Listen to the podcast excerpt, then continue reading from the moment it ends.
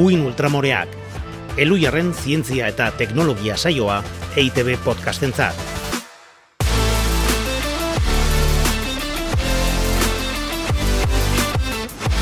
Kaixo denoi, kaixo ana galarraga iestaran, hemen gara berriz. Eta gubio gara gainera nagore rementeria argoten, nundu ala itzotxoa deri behagirre. Seixietan jarraitzen aldu. Ba bai, baina gure falta sumatzen omen du, eh? Et, Ah, bai, dagoeneko maletak egiten edo prestatzen etxera bueltatzeko. Jo ba, ea etortzen denerako hemen jarraitzen dugu, ze gaur gure biziak arriskoan daude.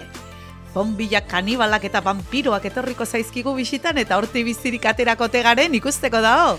Bueno, kasu honetan, berakatzak ez du ezertarako balio, ez dugu ekarri alakorik, baina zientziak salbatuko gaitu. Ona nagore, bun, ona. Eta gaian bete-betean sartu aurretik, albisteak, Jon. Jon. Albisteak.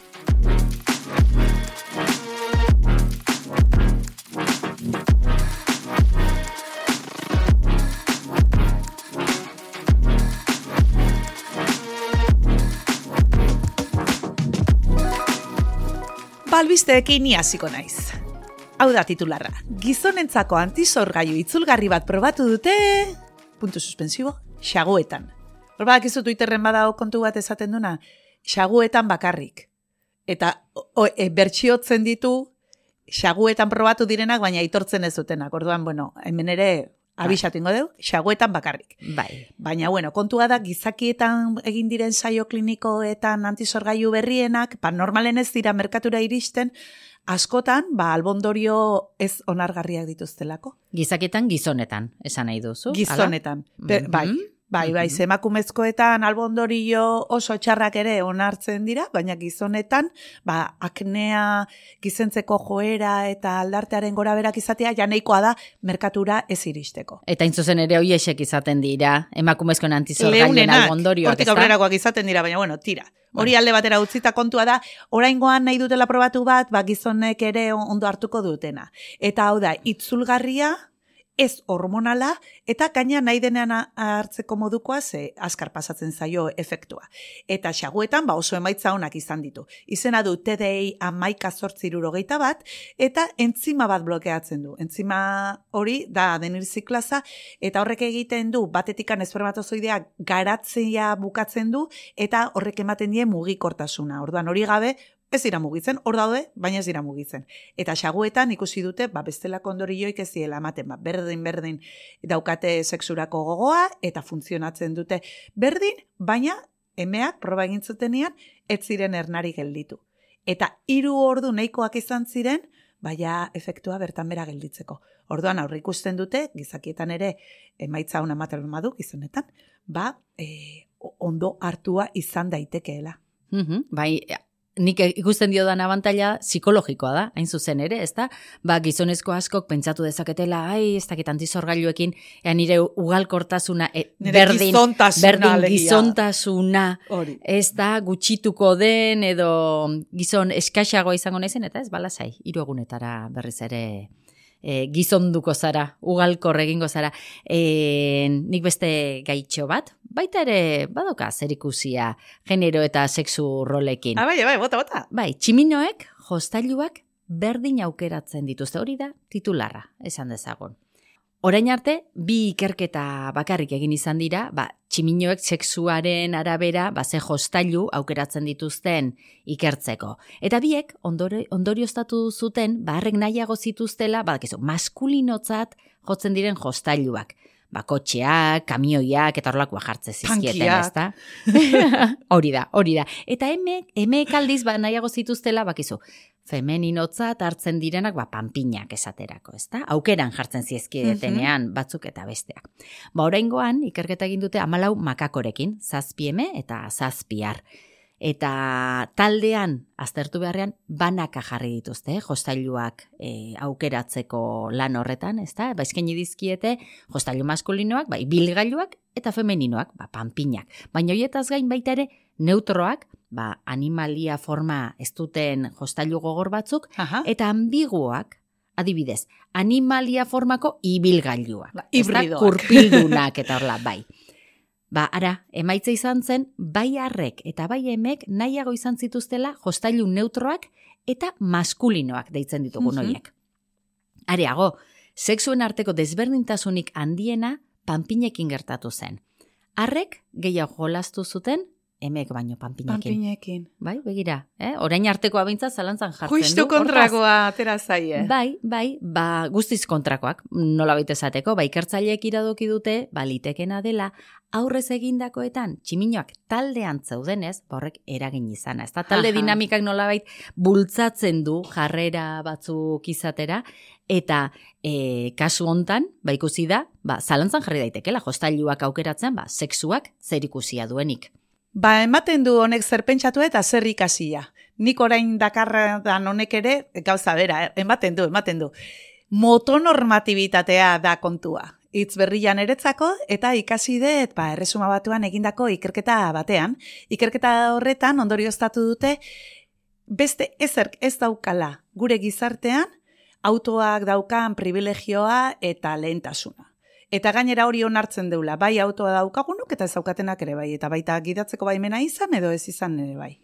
Alegia, bada heteronormatibitatea bezala, ez? Ba, bada hor arau bat, dala heterosexualitatea, ba, hau motonormatibitatea da, ba, normala da autoa behar izatea. Ta adibidez, horren gatik gertatzen da, ba, erabaki batzuk hartzen direnean, diskriminatuta gelditzen direla talde batzuk.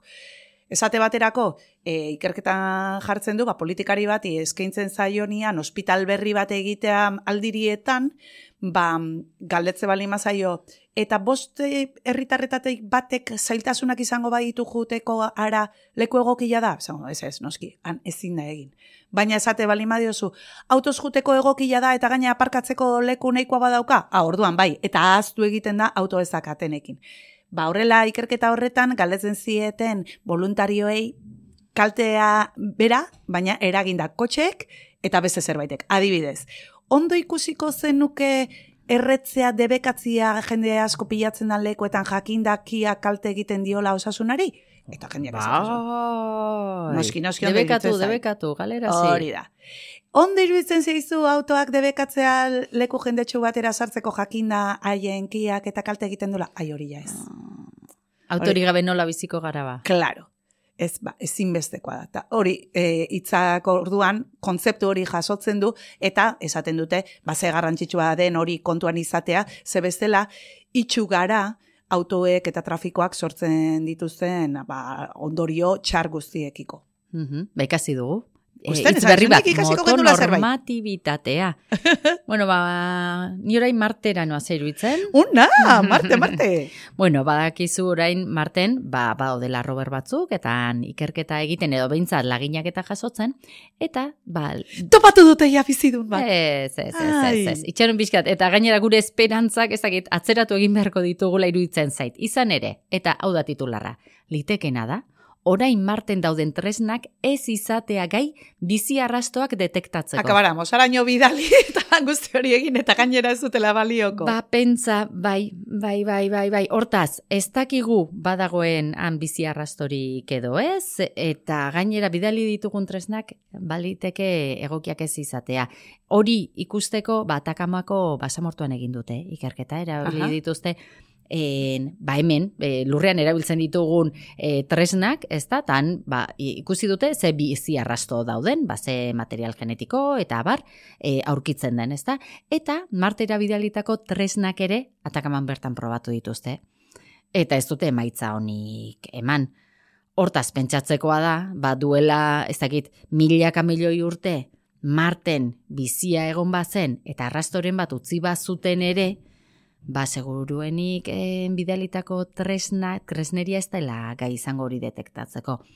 Irtenbidea zein da? Proposamena da, ba lagina jaso ditzala, eta ba aldenean ba, lurrera ekarri hemen aztertzeko. Hori, ba, seguruenik eraginkorragoa izango da, ba izan erean, uh, zail xamar daukagu. Eskerrak bintza badaukatela asmoa horretarako ez da, laginak hueltan ekartzekoa, gaina Euskal Herriko talde batzuk ere badaude, baina bueno, analizi Bai. kimikoak eta egiten, Bai. baina bueno, bueltan ekarritakoak, ba, aztertu ditzatela baita ere genetikoki eta hori. Agian orduan izango dugu, ez dakit, txampaina zabaltzeko aukera. Eta saio berezia egingo dugu in ultramoreaken eta gai nagusia izango da, ze gaur beste badaukagu, baina aurrena, Soinu misteriotxua, soinu misteriotxoa, jarriko dugu. bota. Soinu misteriotsua.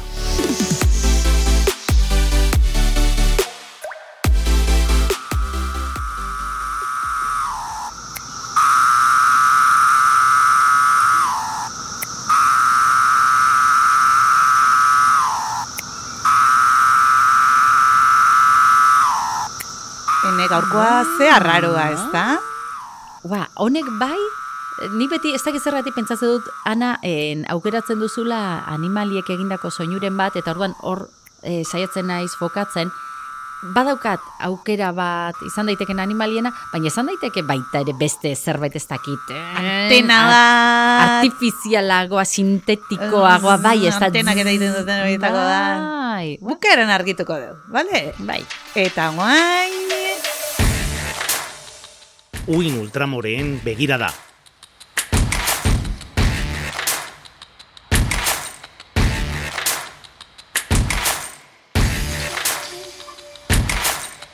Gaurko gaiak beldurrezko musika behar du, ezta? Egoitz, mesedez, jarriko zerbait ola durduzagarria, otzikaragarria eta izugarria. Ba, eskerrik asko. Hauxe behar genuen gaurko gaiari heltzeko.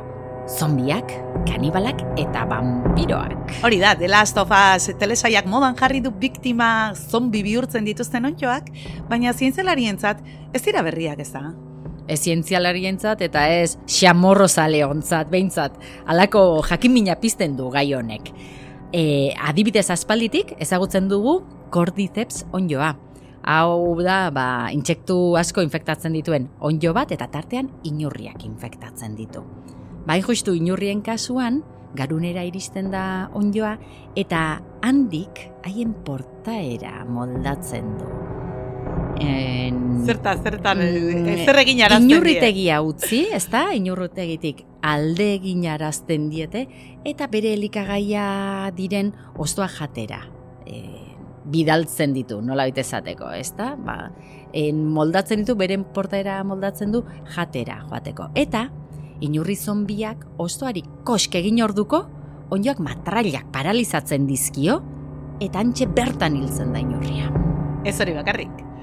Gainea ontxoa barrutikan jartzen jan egiten du inurria, eta esporak askatzen ditu, eta horrela, ba, urrengo inurriak elikatzera joten direnean, haiek ere infektatu egiten dira, eta beraz, zombi bihurtzen dira haiek ere. Hor, beldurrezko pelikulak. Beste adibide bat. Masosopora onjo psikodelikoarena. Hor badao jende ja nahiko aditua, ontxo psikodelikoetan batzuk ondo ezagutzen dituzte, baina hau beste bada, Hau ezta? beste bada, hau beste bada. Txitxarrak infektatzen ditu, eta gustatuko zaizuana, sexurako grina pizten die onjoa. Eze barai beste pista jendeari ze. Da. Bai, baina gogoratu zombi ezari garela, Et, eh? eta hau txitxarretan gertatzen Eta hau da. txitxarretan gertatzen da. Bai, ba, kontua da, ba, sexuaren bidez horrela, ba, txitxarra osasuntxuak infektatzeko modu aurkitu duela. Aha. Onjonek batetik bestera, pasatzeko zer erresago. Ba, gertuko kontaktu, zera, estu eta bero hori. Ba, gizakietan esan dugu, horrelakorik anezago, baina badago, ontxo bat, e, gizaki eh, kalte egiten diena eta haien portaera aldarazten duena, eta erdiaroan adibidez, klaviteps purpurearekin, ba, ezaguna da, nola bihurtzen ziren eriotzaraino dantzari. Eta hori izan, e, ba, zekale irina infektatzen zuen ontxoak, eta toksiko horrek egiten du nerviosistema eh, deskonpentsatu, deskoordinazioa sortzen du, konbultsioak, eta interpretatzen zuten garai hartan, nola etzekiten atzetik ba, zertzeon, deabruak hartzen zitula. eta- Zorginkeria eta da. lakoak ez da? Hori da, hori da, hori da, Mm, orduan zuk esan dezu bezala gaur egun zientzia salbatzen gaitu.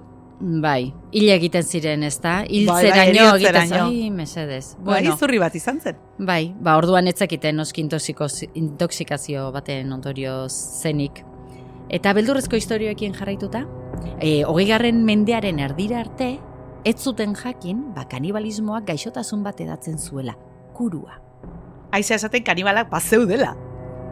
Hori jakina da, Ana. A ber, kanibalak noski egon direla. Eta montoiak baltzekin abesti hau egin zuenean. Ba, seguruenik ez. Edo ez dakit, galdetu egin beharko diogu. Ai, Hori igual, baina galdera. kurua zertza, kurua jakinko altzen. Bai, e, ez dakit. Gizonik jaten dudana Aurpegiratzen didate Bueno, ba, Xavier Montoiak ez dakigu kurua zertzen jakingo zuen, emeakekin kanta hori atera zuenean, baina en, entzuleok, badakizue, kuruak esan nahi du beldurrikara, edo dardara, dardarizoa, eta ginea berriko tribu bateko kidei eragite zien. Ba, imaginatuko duzuen bezala, ba, sintomak ziren, ba, dardara kontrola ezin bat, ezta muskuloak deskoordinatu, dardarkasi, barre atakeak ere, bai, ez da kontrola ezinak eta ba, azkenean hile egiten ziren. Hori da, eta tribu hori ikertuta, ba, hartu ziren gaitza, garuneko infekzio batek eragiten zuela prioien bidezkoa. Prioiak dira, bueno, ez dira ez virusak, ez bakterioak dira proteina gaizki formatuak bezala. Kontua da, hildakoen garuna jateko errituala zutela Ginea berriko tribu horretan.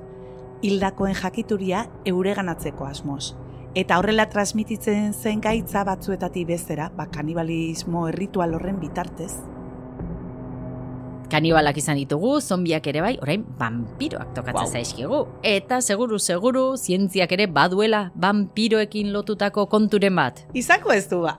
Vampiroa zer da? Ba, e, beste nodola xurgatzen duena. Animali pila bat ezagutzen ditugu, likatzen direna beste animalia batzuen odolaz, tartean gure odolaz ere bai, eta gizakiok ere jaten den dugu animalien odola, ez? Ba, ba odolkiak, bai, batzu jaten dituzte. Adibidez. Ta beste gizaki batzuna, Ba, bai, bai, vampiro hitza, mila zazpiron eta hogeita bostean azaltzen da idatzia lehenengo aldiz. Imperio Erromatar Germaniar sakroaren mediku baten txostenean, ara nun. imperio eh? handia da hori. Hori, ba, oso ondila esango zen, izena behintzat, bai. ba, medikuarrek idatzizun e, lehenengo aldiz, ba, nonbait, e, lur eslabiarra konkistatzen ari zirela, kisiloba herrira iritsi ziren, eta jakintzuten han, bederatzi pertsona hil zirela, gau ez, gizon bateko dola xurgatuta. Gizon hori jada hilda zegoen haiek iristerako, ezta? Baina hor, orduan, ba, gertatuko argitu nahi zuten eta gorpua lurpetik ateratzeko baimena eskatu zuten. Eta orduan, deskribatu zuten, ba, gerora, ez, vampiroen irudi hori, e, gure ganaino iritsi dena, ba, izango zitza, litekena. Hortxe azaltzen da, txostenean, hortz zorrotzak azal zuria, odol freskoa otik eta horreganoetatik jarietzen. A berra nahi, txoin pixkat, eh? Trrr, atzer egin dezagun. Lurperatutako gizon bateko dol freskoa zeukan, mm, gaitxo esatea izango da, eh? Hor txostenean hoxe jartzen du, papai, bazeukan. Eta hainbeste izutu ziren gainera, ba, sartu ziotela bihotzian esola bat ondo akabatzeko. Baz, badezpada Eta, ere, bai? Claro, claro. Eta horrela jaiozan ba vampiroen mitoa. Baina zientzialarien esanean itxura hori gorputzak usteltzean izaten duena da ba, ohikoa. Ba, hor jariatzen dira odolaz aparte beste likido batzuk eta gainera ba nola e, deshidratazioakin eta ba, zala eta aragiak atzera egiten du hortzak zorrotzago ikusten dira. Mhm, nabarmenago, bai. Hori da. Ah, Eta horregatik, ba, vampiroen itxura hori hor jaio zen nun bai. Mhm, mhm. Baina ez da kasu bakarra, kasu bakarra edo beste alde batetik ere ikusi daitezke vampiroak. Izan ere, bada beste gaixotasun bat, ba, antzeko sintomak eman ditzakena edo antzeko itxura, ezta? Ba, odola jariatzen da otik eta zaurietatik, azala zuria izaten da, fotofobia, Ah, hori da euskila kalte egiten diela, ez dutela jasaten, ez da, argitasuna. Bai, ar, argiak traba egiten diete. Eta orduan, ba, horretaz gain gainera, aluzinazioak eta konbultsioak ere e, izan daitezke. Porfiria du izena en, gaixotasun honek, eta ba, odol- Vampiro baten izena ere izan ziteke Ze, porfiria. porfiria eta porfirio, biak, bai, bai, bai. E, odoleko hemoglobinaren hemotaldea sintetizatzeko arazoek sortzen dute. Horregatik zuritasun hori, hori da, horregatik zuritasun hori. Gaur egun bat, diagnostikatzen da eta tratamendua du. Ez da, baina pentsa garai batean, ba, ez, ba, ez da harritzekoa. Ez da, pentsatzea, ba, gaixo horiek vampiroak edo zirela. Gaixuak. Guri gainera asko gustatzen zaizkigu vampiroak, are gehiago. Vampiroaen maitaleak gara, mursego eta morante bezala. Vampiro maitaleak Cumbia esquimal, no está tan mala Cumbia esquimal, no está tan mal Ponte los guantes, ponte las botas Ponte orejeras, ponte manotas Hori da, abesti honekin denetik egin daiteke, podcast batetik hasi eta... Eta parrandara ino. Baina, bueno, hori gero. Guain podcastarekin segituko dugu. Zer dator guain? Ba, egia, gezurra, edo ez dago nahiko evidentzia. Sartu, sartu. Egia, gezurra, ala ez dago nahikoa evidentzia.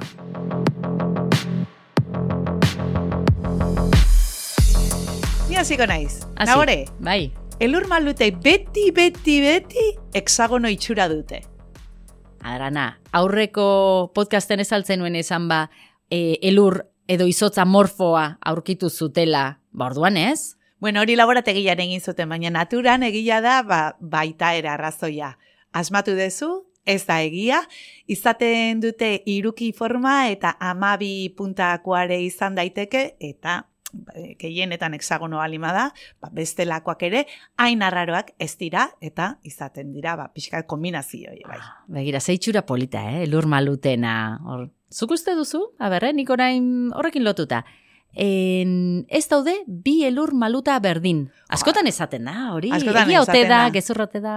Egia izango da, ez? Ba, egia da. Bai. Egia da. Ah. Ze dibertsitate, eh? Bai, Ba, eske, ikusten klaro, hasten ba, garenean. bestelakoak ere balima azke, ba, egia esanenekin, eh, baina bota etorrela eta listo. Eta txokolatea afrodisiako alda, hori egia aldan. Ba, nik ez ez esango dut. E, nire ustez gezurra da, ba, ez dakite, bak- badakizu, amime funtzionismo hori, ez da, Bai. niri, niri balio dit, ez, ez. ez. Psikologikoa ere izango da pixkat igual, placebo edo. Bai, bai, kajoian badaukat, eh? Hori beti oki behar da, txokolate pixkat. Baina sexuarekin zerikusirik ez dut uste duenik. Ba, arrazoia daukazu, ikerketek esaten dutenez, ez dago evidentziarik erakusten duenik afrodisikoa dena, osake momentuz esango dugu gezurra dela. Bale, eta txokolatearekin jarraituz. Txokolatea toksikoa da animalia askorentzat. Ai, eta zuri nola bota dizut hau. Ana, ai, deskuidatu egin naiz. Erantzuna jakingo duzu. Zuk Bai, azaldu. badakit, badakit, Venga. badakit. A ber, al, ba, albaitaritza ikasitakoa naiz, orduan jakingo ez edu, ba, txokolateak badauka, e, teak teina daukan bezala eta kafeak kafeina, ba, txokolateak teobromina dauka, eta toksikoa da, animalia askorentzat horregatik, eta hori bai seguru jende asko badakia, etzaie eman behar txokolatea txakurrei. Mhm. Askotan eskatzen dute. Katuek normalen ez dute eskatzen oso aragi jaldiak izaten dira. Bai. Baina txakurre bai eskatzen dute txokolatea eta etzai eman behar haientzat toksikoa delako beste animalia batzuentzat ere alaxe da. Ez da okurriture ere, eh? Txakurrei txokolatea materik. Ondo zein du. Soinua argitzea gelitze zaiguana. Ja está, ja bukatzen nahi gaur da. ze askar, ze askar.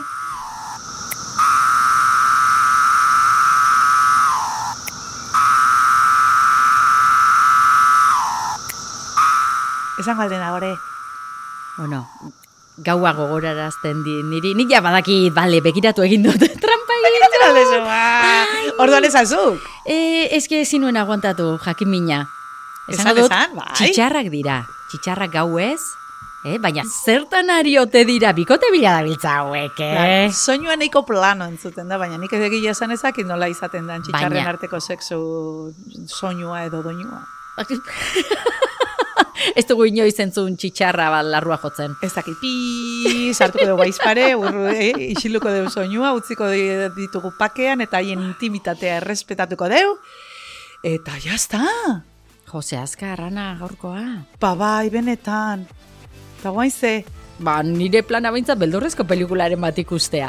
ah, go, bale, jungo gea. Eta zuek bitartian, mesedez, entzun gaurko atala, eta espero deu zuen gustokoa izatea. Ba, eskerrik asko, gaur ere gure podcasta entzuteagatik, eta beti bezala zabaldu lagunen artean, etxaiei bidali, Badakizue Luiarrek egiten duela EITB podcastentzat eta beraz, atal guztiak EITB podcastatarian dituzuela. Zientzia eusen ere bai, eta noski, ba, audio plataforma guzti guztietan. ba, aurrengora arte, eta kontuz zombiekin. Hori da, hurrengo arte, aio!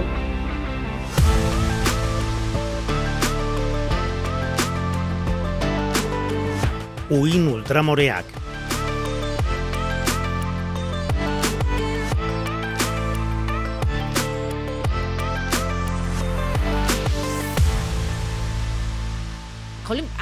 Tío, osea, ze galdera, ai, barkatu, mikroa ere zeatu den.